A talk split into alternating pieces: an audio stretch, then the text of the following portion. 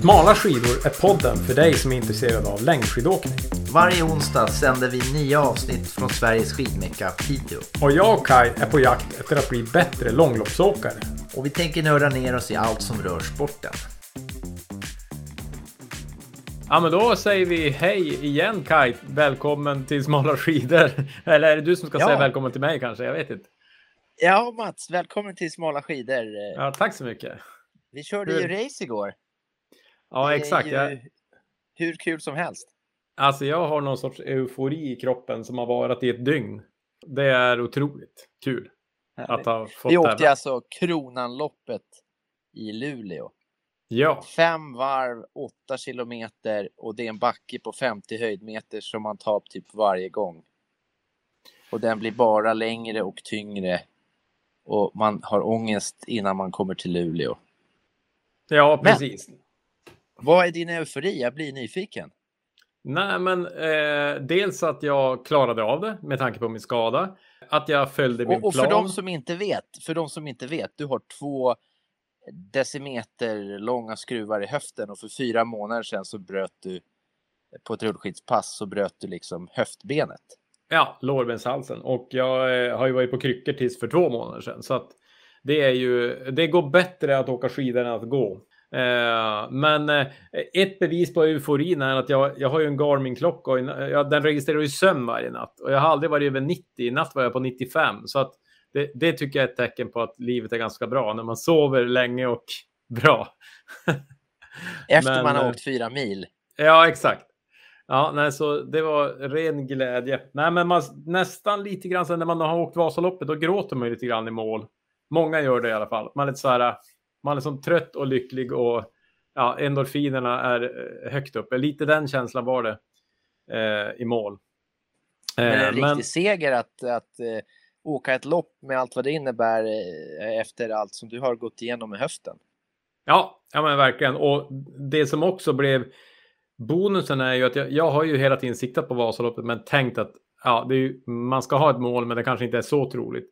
Men nu kände jag ändå att det målet blev mycket närmare så det var ju det är ju också en del i det att, att eh, sikta mot även om jag det blir ingen rekordtid men att jag ändå kan åka och kanske inte behöver åka på tio timmar.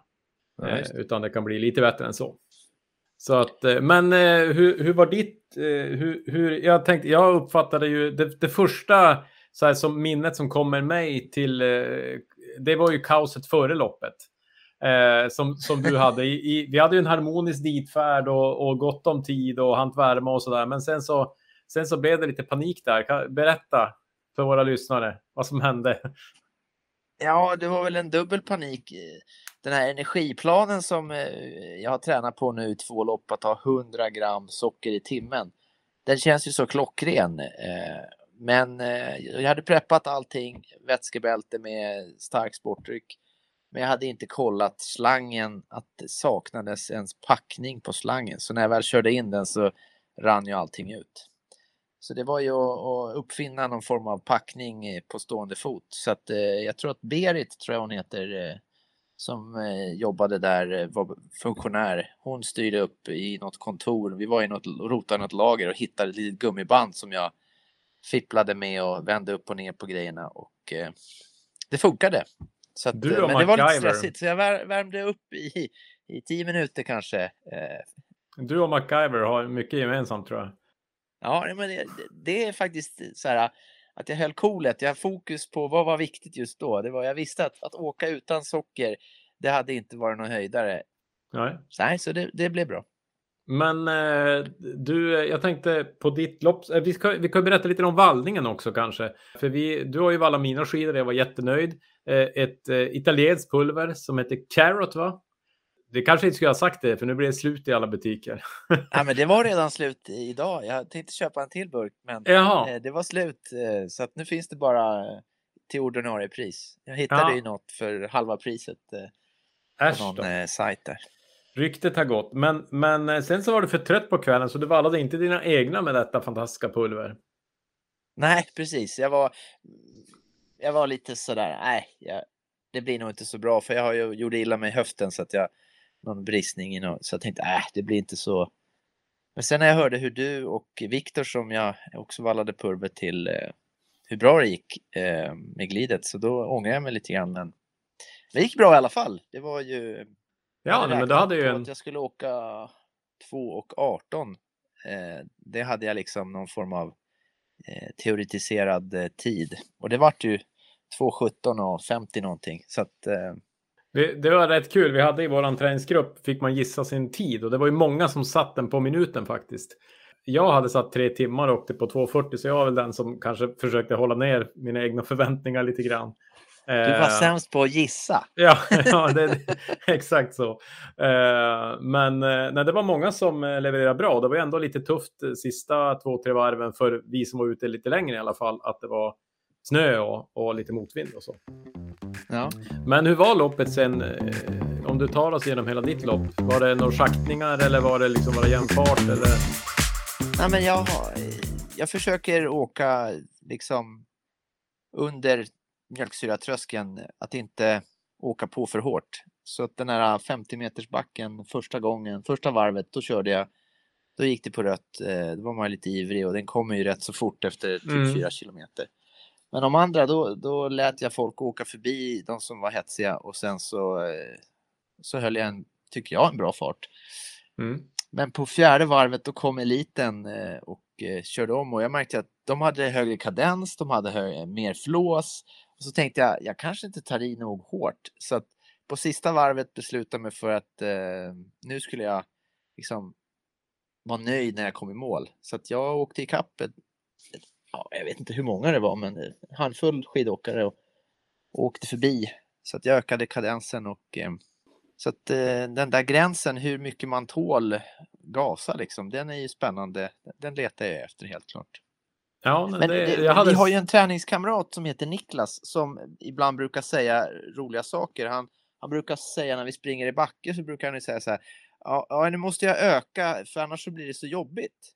Och jag mm. har ju tänkt att nej, men det där är ju fel. Det där är ju tvärs emot att man kanske ska ta det lugnt istället.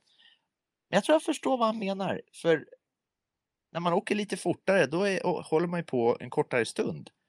Mm. Så det kanske är så att eh, drygt två timmar bara, då, då orkar man eh, trycka på lite hårdare. Så att eh, kanske, han är inte så dum den där Niklas tror jag. Nej, nej, men det ligger något i det. Det är ju lättare att åka i två timmar än fyra timmar ur något perspektiv i alla fall. ja, lite så. Så att eh, summa kardemumma, jag är nöjd eh, med min insats och eh, jag har inte ont i höften idag heller. Så jag har säkert sovit bra också. Jag har inte fått så mycket gjort, men nej. det är väl det söndagar är till för. Precis. Ja, men, eh, när, men jag gjorde samma reflektion på, eh, på mitt lopp, att när de åkte förbi så var det ett otroligt flå. Alltså puls, man hör att de verkligen andas.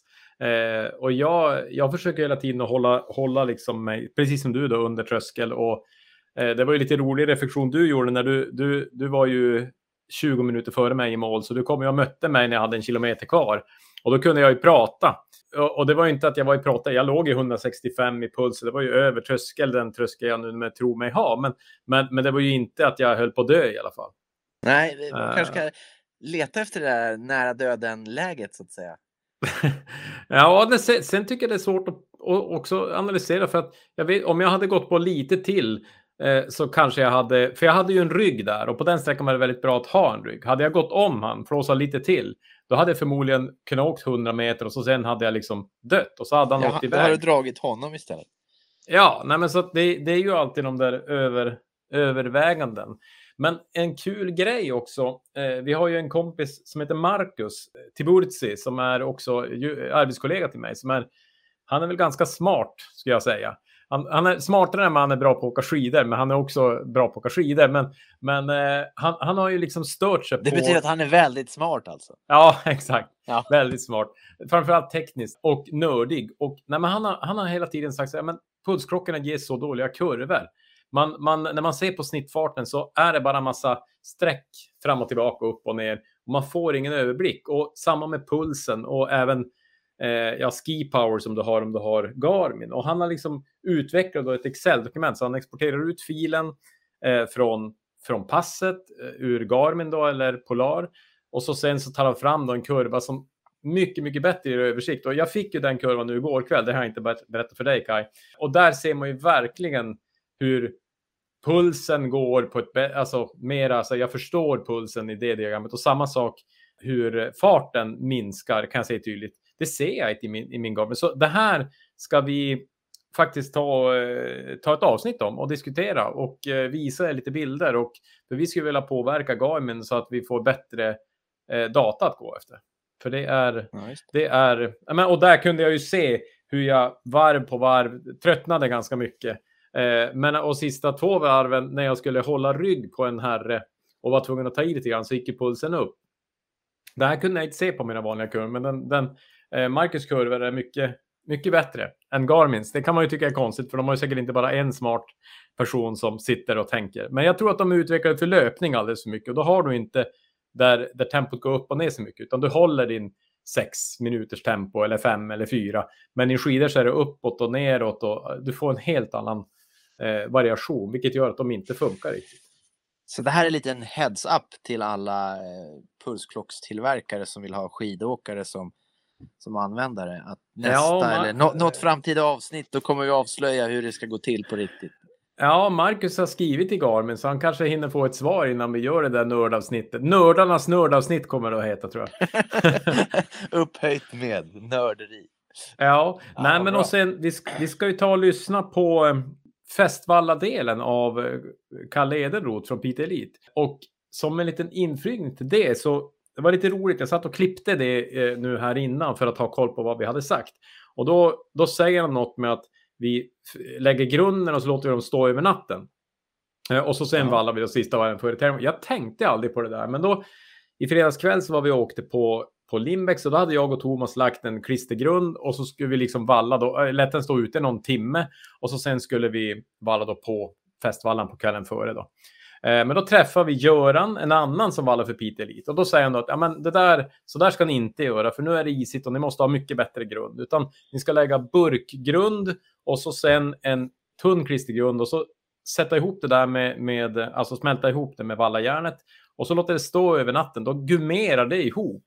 Och så sen eh, ja, valla då på morgonen. Och nu gjorde jag det. Jag tog bort vallan vi hade vallat och så gjorde den, den processen då. Och det blev ju super. Jag hade fäste hela vägen och det höll. Eh, och jag tror Kalle säger det här i avsnittet, men du vet, man lyssnar ju som man hör det man vill höra.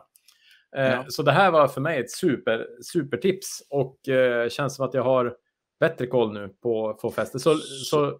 så du gjorde intervjun, du hörde det inte fast du gjorde det sen och nu har du hört det och nu är det liksom integrerad kunskap. Eh, var det en ja, bra sammanfattning? Exakt. Väldigt bra. Man, man måste liksom på något sätt praktisera teorin. Eh, och det är väl det hela den här poddresan handlar om för oss, att, att eh, lära oss nya saker, tänker jag. Ja, och det, det, har slagit mig också att den här lilla, där det började den här idén om att hur ska vi bli snabbare? Jo, vi behöver ha dyra skidor, vi behöver ha eh, lika med att ha bra material, ha eh, sportdryck, stark sportdryck och sen träna intervaller det är som en väldig förenkling, men det finns en sanning i det liksom. Och det blir tydligt att när vi fokuserar på alla de här sakerna, hur det faktiskt går bättre. Mm. Så, men man behöver göra det, man måste göra intervallerna, man behöver nörda ner sig lite i vallningen och hade inte du vallat om eh, där, ja, då hade det blivit inte lika bra kanske. Och hade inte jag letat gummiband, då hade jag inte fått i mig sockret och då hade jag inte varit nöjd idag. Så på något vis så, så behöver man göra allt det där smarta som man vet. Eh, Exakt. Det är väl lite konsten i livet på något vis. Att hur gör man det man redan vet? Det, det är lätt att veta liksom. Mm. Ja, det är bra sagt. Men eh, jag tänker med det så tar vi och lyssnar på eh, Kalle, mig och Kai i Vallaboden på Limbex och så kommer vi tillbaks på en liten stund. Då säger jag hej Kalle igen. Ja men hej. Och välkommen till till ett nytt avsnitt av Smala skidor. Och eh, nu ska vi nörda in oss lite till på Festvalla. Och nu, nu är det ju ganska många av våra lyssnare som kommer att zooma ut. För att vi har ju många stakare som lyssnar, bland annat Kai. Eh, men det kanske kommer en dag när man vill använda benen också. Så jag tänkte att vi skulle prata lite grann om Festvalla. Jag tänker, vi, vi, i förra avsnittet så pratade vi om strategi för testning och sådär. Glidtest och hur, hur ser motsvarande process ut fest, fäste då? Eh, nej men det är ganska, ganska likt egentligen. Problemet är att eh, testa egentligen festivalen så sent som möjligt in på start och ändå hinna lägga det på, på skidorna som åkarna har valt ut. Att de även ska få tid att, att hinna ja, men känna av eh, hur mycket lager som behövs och, och, och sådär. Eh, då förret ofta förändra sig när, när flera och fler börjar åka och ju närmare start det kommer och det blir kanske varmare eh, ute, varmare i snön. Mm. Och så. Just det. Det är väl den, den, det svåraste ofta, att vara iskall och eh, testa så sent som möjligt. Mm. Apropå något som jag tycker är svårt, som jag är nyfiken på. Det är hur många lager man kan lägga. Eller kan eller bör lägga. För det handlar ju om åkaren och skidan. Hur, hur, hur reder du ut det så att säga? Ja, många åkare har ganska bra koll på sina skidor och eh, de vet om att det här paret tål sex lager eller åtta lager eller tio lager. Eh, så att man har en hyfsad koll från när man börjar lägga på dem. Eh, sen är väl såklart, man, man lägger hellre något lager för lite i början innan de har testat så det inte ska bli för mycket direkt från start. Ja, Det är lättare att komplettera med två lager än att börja skrapa bort. Mm. Och, och när man pratar lager. En blå valla eller en varmare valla. Det, räknar man samma lager? Eller Ja, tjock, det, tjockleken, blir det ändå samma tjocklek per lager? Så att säga? ja, om en och samma person gör det.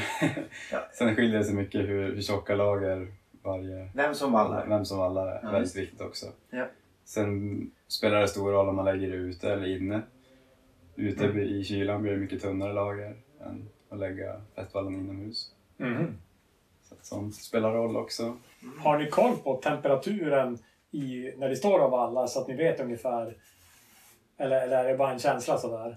Nej, men vi försöker ha, när det är klassiska tävlingar så har vi väldigt kallt eh, i Ja. Vallaboden. Vi brukar stänga av värmen och, eh, så det ska bli så likt som möjligt eh, ja, mot att stå ute. Jaha. Ofta lägger vi ju eh, grunden kvällen innan. Och den ska ju helst stå kallt. Så att antingen ställer vi ut skidorna över natten eller så stänger vi av värmen inomhus för att det ska ja, härda ordentligt och verkligen bli en bra, bra hård grund. Värmen in grunden och sen får den stå över natten, eller hur? Ja, precis. Ja. Men är det första laget ni värmer och så sen? Eller, eller? Ja, oftast är det så. Ja. Lite olika där också men, men Ja. Eh, ja, oftast är det ett eller två. Men jag var och lyssnade på någon eh, valla-genomgång på någon sportaffär och då var det någon som, som menar på att han la den lite såhär slarvigt. Alltså så att det skulle bli eh, lite gropigt för att det eh, skulle eh, liksom släppa bättre. Eller, ja, jag vet inte vad teorin var. Och andra säger man så här, vi får det liksom slätt som ett, en, ett salsgolv. Är det olika för fören eller eh, tänker någon helt fel här? Eller? Vad är din tanke om det? Ja, vi försöker alltid ha det så tunt och så slätt som möjligt. Ja, Eh, blir det gropigt och så är det bara risk att det, det ligger i, eh, festivalen ligger i när, när du står och stakar och att du vill försöka ha det så klumpfritt och så slätt som möjligt. Ja, jag har också tänkt det. Jag var lite förvånad. Jag, jag, jag ska inte kasta ut någon i... Jag, jag skulle säga så bara för att slippa göra om det. Så att jag kan förstå om Ja, det är någon det. som har sagt så. Eh, precis. Men det finns inga fören där det är fördel att, att den inte är slät. Eh, nej, det tycker inte jag i alla fall. Nej, Inte vad jag har upplevt. nej. Ja, då måste jag lära mig bli slätare. För jag har tänkt att men jag inte var så noga. Det är hantverk Mats. Det är det som är svårare med det. Eh, Men ja, det blir lite hit och dit. Men, men du nämnde ju ruggat tidigare. Och eh, det är ju något som, som eh, vanliga skidåkare aldrig gör i stort sett. Eh, eh, vanliga, men, men det, det, det finns ju speciella ruggskidor. Jag har aldrig sett dem i sportaffären. Eh, men vad, vad finns att säga om rugg? Jag tänker om det skulle vara nu ett sånt där före kring nollan eller svårt. Eh, är det inte ändå några som har hög ambition som skulle kunna eh, alltså, testa det? Eller, eller ja, berätta lite om rugg helt enkelt. Ja, men det är det helt klart. Det fungerar även på en, en vanlig skida som är lite mjukare. Eh, Att just bara ta ett sandpapper och eh, rugga upp fästzonen. Eh, Och då ruggar vi åt alla möjliga håll. Eh, Inte bara fram och bak eller i sidled utan kors och tvärs och fram och bak. Eh, under den ytan då. Så går vi på med lite finare sandpapper längst fram i fästzonen och längst bak. Och så lite grövre just under i själva fästzonen. Ja. Mitt under. Vad, vad, är det hundras eller, eller vad är det sandpappermässigt? Ja, vi jobbar nog mellan, börjar med eller, som fina 60, 80, 100 och 120. Så fyra olika jobbar vi med. Ja. Eh, men för en, eh, en motionär så kan man, ja, tror jag, ha 100 som riktmärke. ja. Eh, Men då, då, man kan testa det på en vanlig... För jag tänker man tar ju sandpapper ändå innan, innan man sätter fästvallan, tänker jag. Ja, precis. Nu ruggar man ju lite hårdare och lite grövre så det kan vara svårt att, att få, den, eh, eller få till det riktigt bra efteråt. Så det kan behövas en omslipning. Okej, ja, så man ska Efteråt, helst så att, testa på eh, någon skitskidor? Eller, Ja, eller, precis. Det skulle jag rekommendera. Ja. Så det är så pass grovt man ska göra det. Om man tänker referensen, eh, om man tänker det man ruggar upp inför en festvalla så är det klart mer än så som ni ruggar den. Ja, det brukar behövas. Ganska mycket mer än en vanlig ruggning inför en festvallning. Mm. Eh, så att det... Ja, men tjena! Tjena! Hej! Nej. Vi hör det surra här. Vi spelar in ett poddavsnitt om vallning. Okej.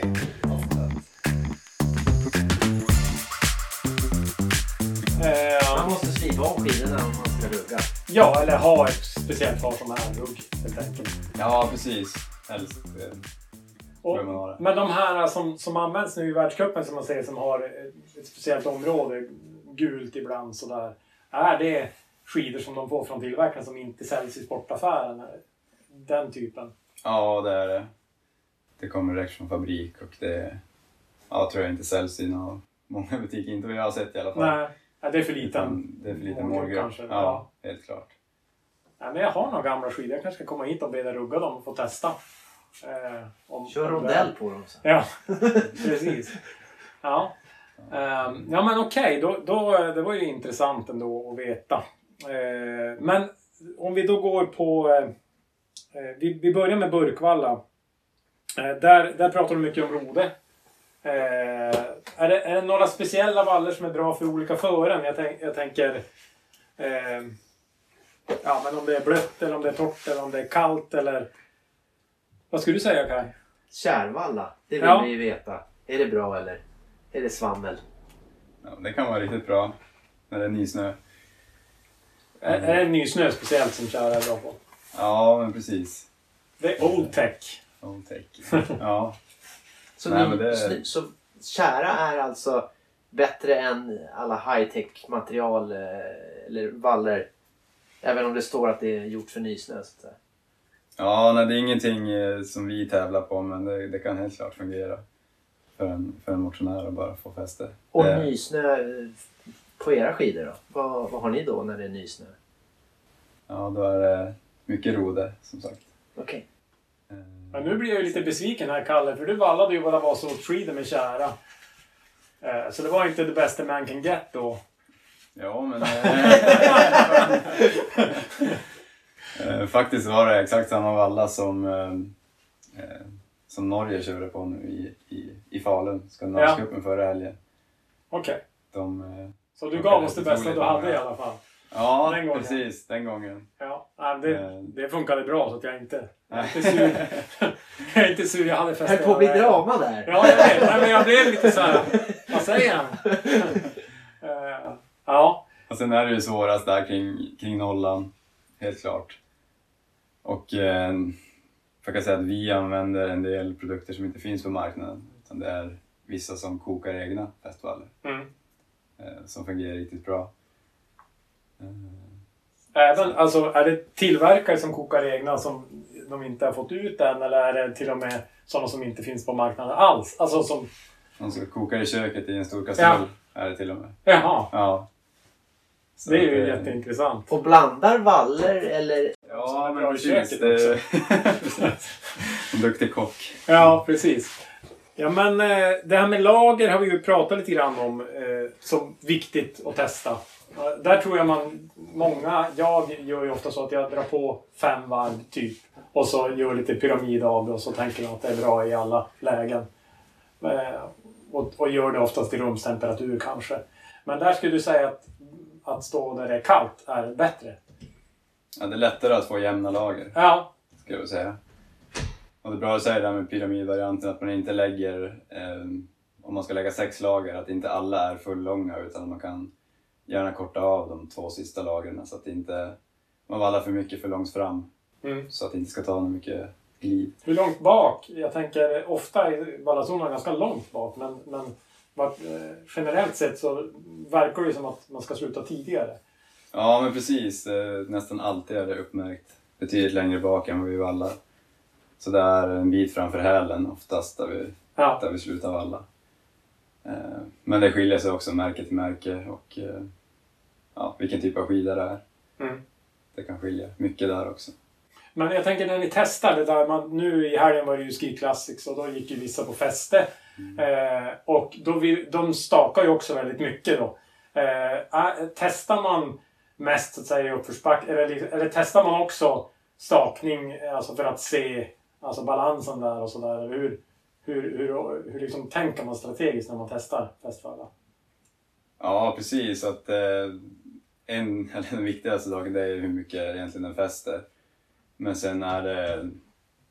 Testar man åtta varianter och det kanske är fyra som fäster väldigt bra, då gäller det att hitta den som går, går lenast och tar minst glid. Mm. Och då är det ju... Ja, ett bra sätt är ju att stå och staka på den och känna när du lägger tyngd på, liksom, på tårna och går upp på tå och stakar hur mycket, vilken som inte suger fast och vilken Mm. som släpper på. Kan det skilja mycket på, alltså om man säger en, att du har fyra som fäster bra. Om man då nästa steg då testar att staka med dem, kan det skilja mycket då hur de släpper? Ja, det kan skilja ganska mycket. Och sen kan du känna en del i, i framföringen, i diagonalen också. Hur, eller vilka som går lenast. Och det där är en... Eh, det är en vanlig sak, gör det ofta och eh, ja, försöker känna efter när du åker och, och eh, är van det så, så är det mycket lättare att känna. Det är inte alla åkare som, som vi har i klubben som är jätteduktiga på att känna skillnader mellan olika festivaler. Just i lenhet när det blir väldigt jämnt. Just Men eh, jag tänker också hållbarhet. Hur tänker man där? Är det, hinner det bli dåligt fäste på 15 kilometer? Eller? Om man har en bra grund som, har, som är tunn och eh, väldigt kall Ja, innan så ska det inte vara något så problem. det håller bättre om det är tunt än tjockt? Generellt sett. Eller två tunna lager är bättre än ett tjockt, eller, eller hur?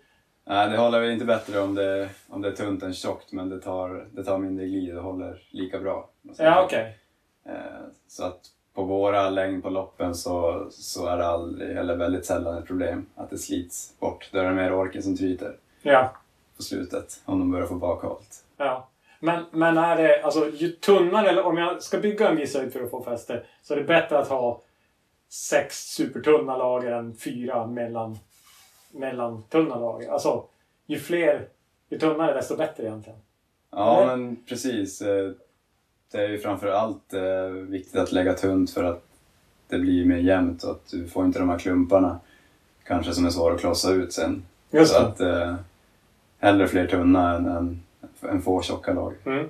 Håller, ni, håller ni den liksom lodrätt, eller eh, alltså vågrätt mot skidan, eller håller ni den lite snett, eller hur, hur, hur ser det ut?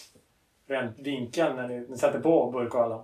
Ja, men den är, så att applicera den med lite vinkel Ja, oftast. Sen blir det inte jättestor skillnad. Är, är det en väldigt kall burk så blir det ganska tunt oavsett. Men det är just när de här varmare varianterna, kletiga burkarna, åker fram. Där blir det ju mer känsligt. ja. Där måste man vara försiktig med, med hantverket så inte halva burken släpper plötsligt. Så. Just det. Ja, intressant att det, att det finns. Eh, men om man tänker klister då. Finns det, där, där, är det, där är det också tomt som gäller antar jag. Ja, men precis. Det, det stämmer bra. Sen är det lite grann där att um, man får inte lägga för tunt heller. Utan klistret kan vara rätt, men du måste ändå bygga, tänka lite grann som burkvalla. Att det inte bara att det täcker allting, hela fästzonen, så har du fäste. Utan ibland kan det faktiskt behövas lite, lite tjockare där. Eh, om det är en väldigt hård skida som oftast åker fram när det är klister före Ja, och varmt ute. Så då kan man behöva lägga kanske två lager med klister. Lägger ett lager och stryker ut det och sen så lägger du ett lager till för att få det här sista bettet. Just det. Men eh, upp, är det, vad är svårare att få till? Klister eller burk? Ja, jag tycker klister är väldigt, eh, väldigt roligt att jobba med. Det går ganska snabbt att lägga när man väl... Eh, det behövs ju inte så många lager som sagt, utan eh, eh, en riktigt bra klistervallning, det är, det är härligt att åka på och ganska enkelt att lägga ändå om man, om man gör det ofta. Och, och, Använder du tummarna eller använder du cross eller hur? hur, hur, nej, tummen, Ja. helt klart. Det är det som gäller. Ja. Så den kan vara... Den kan få jobba hårt under en, en, en varm helg på våren. Det är inte mycket skinn kvar på den. Nej, ja, det kan jag tänka mig. Det får, det, men det är ju intressant att det inte har kommit något, något bättre verktyg än tummen. Mm, precis. Det är män, människokroppen som gäller. Bra! Eh, Kaj, Jag har har en en- fråga? Ja, jag har en produktfråga. En sån här burkvalla som är gjord från minus 2 till minus 15. Är det verkligen, funkar det så? För, för i teorin är det jättebra om man åker ett Vasalopp och så kommer det svänga i temperatur och sådär. Men eh, vad säger du om en sån produkt? Nej, jag tycker inte den fungerar lika brett som, eh, Som det som annonseras? annonseras. Nej. Utan det måste man testa sig fram ofta. Eh, se lite grann vars, vars gränsen går. Man säger vars den börjar fästa för dåligt eller den, eh, ja, tar för mycket glid. Så att eh, jag tror de skriver ut så mycket för att snöförhållanden kan skilja väldigt mycket i, i de temperaturer, eh, vid en viss temperatur. Skulle jag tro. Men eh, Så det är snökristallerna också, inte bara... ja, men precis att det är, är det minus fem så kan snön se väldigt annorlunda ut eh, beroende på var man är och lite så är det våren eller är det på, på hösten sent. Hög höjd kan spela roll om det är torrare. Så Mm. att, eh, Jag frågar för Ja. jag, jag har köpt en sån burk men jag har använt den väldigt lite just av den anledningen. Jag tyckte den var värdelös. Ja, eller så har du inte prickat rätt vart den var bra. För den är säkert bra någonstans. Någonstans är säkert, ja, precis. säkert bra. Eller få varv, eh, lager och så vidare. Mm. Det är därför jag tycker det är tjorvigt det här. Eh, Men det är ju skönt att, att ha bra fäste. Mm. Ja, helt klart. En, bra festhållning, det, det är härligt. Sitter upp för och släpper på bra utför. Ja. Det är ju det han vill ha. Precis. Eh, bra! Ja, Jag vet inte om jag har så mycket mer festivalfrågor. Det känns som att det var några små saker man tar med sig i alla fall. Det här med tunnellagen måste jag hem och träna på i alla fall. Och så känns det som att... Man kallar det garaget också. Ja, precis. Och, och sen eh, Och stänga av AC'n. te- testa mera, känns det som också. Eh, det är ju utmanande. Det var Men- någon som sa att man åkte med olika valler på skidorna. Man testar när man är ute och tränar. Att man kör eh, en burk på den skidan och en på den. Och sen typ så träningspasset också blir testning. Ja, det är ett väldigt bra sätt. Ska du ändå valla upp ett par klassiska skidor så kan du sätta två olika burkar du tror på för dagen. Och så märka upp det på skidan, sätta en tejp och skriv vilken som är vilken. Och så kan du byta fot lite grann och testa det fram. Eh, Det är ett bra sätt att lära sig. Då kan man både träna och testa Ja, samtidigt. precis. Och det är lite grann så vi jobbar också, att vi har ju ett gäng testskidor och där är det bara en valla på en skida. Så att då jämför man ofta ja, Mhm. olika skidor under. Men det gäller, jag tänker att man är lite olika med vänster och höger också. Kanske hur bra man är på att få fast dem. Jag upplever oftast att det var, kan vara en skida som släpper oftare. Eller sådär, Ja. att man är o, olika jämntränad. Ja, men helt Eh. klart. Och då får man byta fot Ja. lite grann sådär. Ja, precis. Ja. Eh, Det kanske de är bättre fysiskt tränade toppåkarna förstås. Men eh, snyggt! Jag tänker så här avslutningsvis, finns det någon bra... Du har ändå hållit på valla nu i många år. Finns det någon bra story sådär? Nå, något, eh, någon succé eller någon, någon total flopp eller nå, något som, som har hänt på någon tävling eller något sånt där som ni har gjort något bra beslut i, eller ja, finns det något kul att berätta? Som inte är hemlighetsstämplat. Nej, precis. Ja, det händer ju faktiskt titt som tätt att eh, folk tar fel skidor när de ska springa till start. Ja, just det. Eh, har ju ett exempel på någon, en tjej i våran klubb, kanske inte ska nämna, nämna något namn då, som eh, hade fem minuter till start, eh, skulle hämta sina skidor och eh, tog då klubbkompisens träningsskidor Ja. på en eh, sprintprolog klassiskt. Så att det blev, eh, det upptäckte man först när de kom i mål. hon tyckte det gick väldigt tungt. Eh, och när hon insåg att hon tagit fel skidor så blev det ganska ja, starka reaktioner kan man säga. Ja, det kan Klarar hon eh, tiden så att säga? Det är några år sedan, osäker faktiskt på den så jag vågar inte säga Ja, just. någonting. Men jag tror det gick bättre, om hon gick vidare så gick det bättre i heaten Ja. på sina egna tävlingsvallade skidor. Mm. Ja, det, det är fort gjort att det kan bli fel i alla fall. Ja, Det är nackdelen att ha för många på skidor. Precis. Ja. ja, men med det säger vi tack Kalle. Eh, så får vi höras framöver och lycka till i de tävlingar som är. Eh, Vad är nästa eh, klubb när, du, när klubbåkarna åker tävlingsmässigt? ja men det blir i, i Torsby sista helgen i, i januari nu. Ja, Så det är några veckors tävlingsfritt nu innan det drar igång igen med Sverige Cup där nere. ja. Och den stora grejen är väl eh, SM på hemmaplan tänker jag. Ja, precis. Det blir riktigt spännande och många åkare ser fram emot eh, SM-veckan här hemma i Piteå. Ja. Väldigt mycket. Ja, kul! Det ska bli kul. Ja, då ska vi önska dig lycka till. Tack så mycket för idag! Ja, men, tusen tack. Att vara med. Så, då är vi tillbaka igen. Ehm, Vilken, klipp, vilken klippare du är Mats. Du börjar bli en liksom, reporter av rang tycker jag. Ja, ja, ja jag men jag, man, man försöker ju i alla fall. Ja, men det är roligt. du är en bra sidekick också, Ka- Kai. Eh, definitivt. Det, det är tur att jag har dig som är lite lugnare i livet på något vis. Känns det så. Eh, nej, Men, det, eh, vad fick du liksom, vad var dina highlights av, av det här nu när det har gått, eh, har gått en dryg vecka från när vi spelade Mm. in det då? Vad, vad hänger Nej, kvar men- så att säga? Ja, men det var ju några grejer. Dels, dels det här med klumparna som jag hade hört, att man liksom skulle valla ojämnt för att få in luft eller så. Det var ju, det var ju bullshit. Så det har jag ju liksom slutat upp med, utan nu är det att få det superfint så att det liksom inte ska ligga och ta glid. Eh, så det tycker jag var bra. Eh, tunna lag, alltså att ställa sig, nu när vi vallade igår morse, då stod jag ju i garagedörren, alltså i stort sett ute och vallade och det blev tunna och fina lager och jag var ganska nöjd. Det var inga klumpar, så det var roligt. Att du vallar Så- ute och får en temperatur som är lite kallare?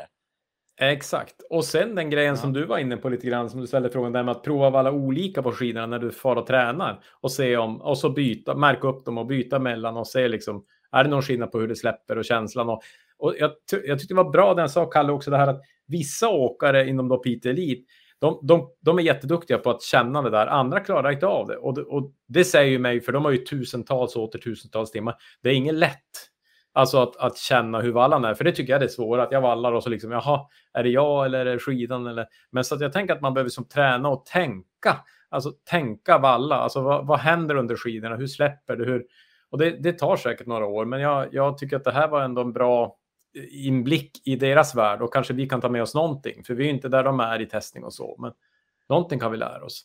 Sen, eh, jag, jag kan också säga att eh, vi gjorde ju en, en liten test på Instagram med hur många stakåkare vi har. Eh, och det var ju 55% stakning och 45% valla och fäste. Så det var ju ändå, det tycker jag var bra för min del. Att du och jag representerar ganska bra våra läsare, Kai, här. Eh, så, så att inte det här var helt onödig kunskap, utan det, det finns folk som är intresserade av att lyssna på, på fäste. För att det ska också. bli bra liksom för, för alla så kan jag säga så här, ja men det bästa vallningen det är bara glid, slippa fundera och så fokusera på och, och, och staka istället. Och du kan stå upp för, för festvallan och så har vi liksom, alla är lite nöjda för allas röst blir, blir hörd i det här. Det Exakt så. Ja, eh, nej men det, det känns bra. Och eh, vi har ju fått in en del frågor också eh, överlag sådär, så vi ska väl försöka beta av dem här under, under våren och vintern. Eh, och något som vi nästa avsnitt kan man ju undra, så vad händer då Kai? Ja, det blir, eh, det blir, eh, det blir väldigt bra. Vi fick ju, vi fick ju chansen att ehm, Mm. träffa ehm, Stefan Thomsson. Och det var en höjdare. Det var ett rätt så informellt samtal tycker jag. Eh, inte så där att vi hade ett frågebatteri utan att vi kom in på grejer eh, så att jag lärde mig jättemycket och jag har redan börjat fundera på nästa säsong och hur jag ska lägga upp saker, eh, liksom en, en, tänka en lite större bild kring min skidåkning så att eh, ja, jag hoppas att det ska bli bra, intressant för de som lyssnar. De som Ja, men det, det, jag, vanliga håller, så att säga. jag håller med och Stefan är väldigt bjussig också på att bjuda på sin kunskap. Han, han, eh, eh, ja, det känns att han, och också roligt att han är, eh, ja han är ju landslagstränare men han har, han har om man säger både tekniken förstår han och fysiken. Så han är bra på att koppla det där. Det, eh, det känns trovärdigt på många sätt. Så att, eh, nej, jag håller med, det är ett höjdaravsnitt så hoppas ni lyssnar då. Där kan vi också säga, eh, vi vill ju bli en, eh, en podd som många lyssnar på. Vi tror att det är många som kan ha nytta av det vi, det vi diskuterar och så där. Så att, tipsa gärna kompisar om podden så blir vi ännu mer peppade att göra bra innehåll. Eh, så Eller att, hur? eh, Och, och, och vi har ju fått bra, bra återkoppling tycker jag. För vi har ju, var det sista vi såg, över 7000 nedladdningar nu. Så det ökar Ja. hela tiden. Så att det känns ju hur kul som helst. Ja, från 20 länder, det tycker jag ändå är lustigt. Vi har från Israel och Chile och allt möjligt, men det är väl svenskar i exil eller någonting, vad är det man säger? Eh, Ja, då behöver vi ha ett rullskidsavsnitt eller åka Ja. på grus. ja, precis. Nej, men det är kul. Men kul, och kul att ni lyssnar och som sagt tipsa och eh, spana gärna in på vår Instagram där. Eh, händer lite då och då. Eh, Och den smala skidor. då smala ja, smala skidor. understreck skidor eller smala skidor. Det, det funkar vilket som. Ja, men nu peppar vi för en bra träningsvecka. Och, ja, eller förresten, jag, jag tänkte på det Kai, eh, på tal om tipsen från eh, Thomson där. Vi, har- vi har gemensamt styrkepass på måndagar. Du har ju ändå dragit på dig skador nu här två veckor i rad för att du tar i lite för mycket. Har du någon respons på det? Ja, jag tror att jag är för stark för mitt eget bästa. Eh, ja, ja, det är Det- helt det sant kan- tror jag. Nej, men det, alltså, jag är nog för otränad i styrketräning så att när jag väl tar i så ja, jag kan ju typ slita av grejer. Så att, Ja. eh, ja. Ja, det är tur att man är lite Jag har svagare. en bra spurt. Jag har ju en bra spurt, det vill säga jag kan ta i väldigt kort så, här, så att Mm. kanske sitter ihop med biolo biologin liksom. Men jag ska vara lite mer sansad imorgon så att jag inte drar på mig ytterligare en skada då. Så att, eh, Ja, ja, det tycker jag låter klokt. Jag, jag, jag tycker de där passen är bra. De, det är ju någon sorts skidstyrka i gymmet och, och man känner att man, man, ja för min del, de är skadade så har det gått bättre och bättre varje vecka så det blir en bra mätare också för att se. Så att, eh, det blir nästa steg för oss och sen som sagt Thomson-avsnitt och eh, ah, hoppas ni har det bra där ute i skidåkningen. Vi ses nästa gång. Hej då! ja, det gör vi. Hej!